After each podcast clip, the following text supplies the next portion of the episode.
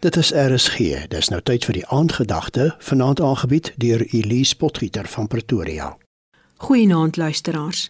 Die meeste suksesvolle mense het teëspoed gesien as blokkade wat hulle verander het in 'n trap wat gelei het na voorspoed. Paulus is aan die woord in 1 Korintiërs 4 en hy sê dit lyk vir my God het aan ons die apostels die laaste plek in die ry gegee asof ons mense is wat tot die dood in die arena veroordeel is. Ons het 'n skouspel geword vir die wêreld, vir engele sowel as vir mense.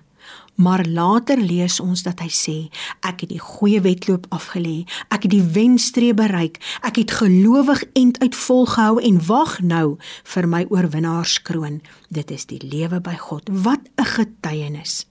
In die middel van die lewe se ergste moeilikhede is daar een woord, een begrip wat soos 'n lewensreddende tou vir ons uitgegooi word om aan vas te hou. 'n woord wat ons versterk vir die toekoms en dit is die woord hoop. Paulus het nooit hoop verloor nie. Hoop gee enige iemand 'n nuwe uitkyk op die lewe. Tog is daar massas mense, Christene ingesluit, wat moedeloos word. Maar is 1 Korintiërs 13 wat vir ons in moedelose tye hoop gee.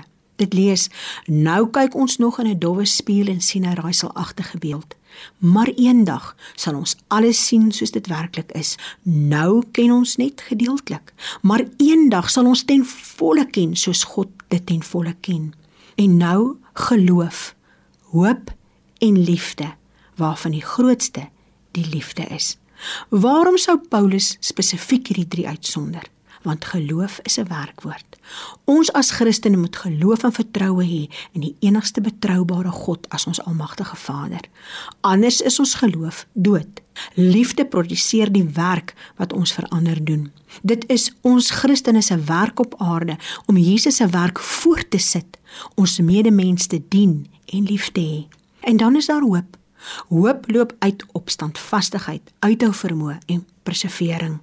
As ons verder gaan, dan besef ons dat geloof gebaseer is op God se woord en kan glad nie gesien word nie, terwyl hoop gebaseer is op geloof. Hoop is positief en gee ons selfversekering dat God wel sal deurkom vir ons. 2 Tessalonisense bevestig dit en lees: Wees standvastig en mag julle in alle goeie wat julle in die woord en daad doen, bemoedig en gesterk word deur Jesus Christus en God ons Vader. Hy het aan ons sy liefde bewys en aan ons deur sy genade 'n blywende troos en goeie hoop gegee. Die Here is getrou en daarom bid ons vanaand: Leer my Vader om te verstaan en te weet dat U my liefhet, so lief dat U vanaand my gebed verhoor in die naam van Jesus Christus. Amen. Dit was die aandgedagte hier op RSG, aangebied deur Elise Potgieter van Pretoria.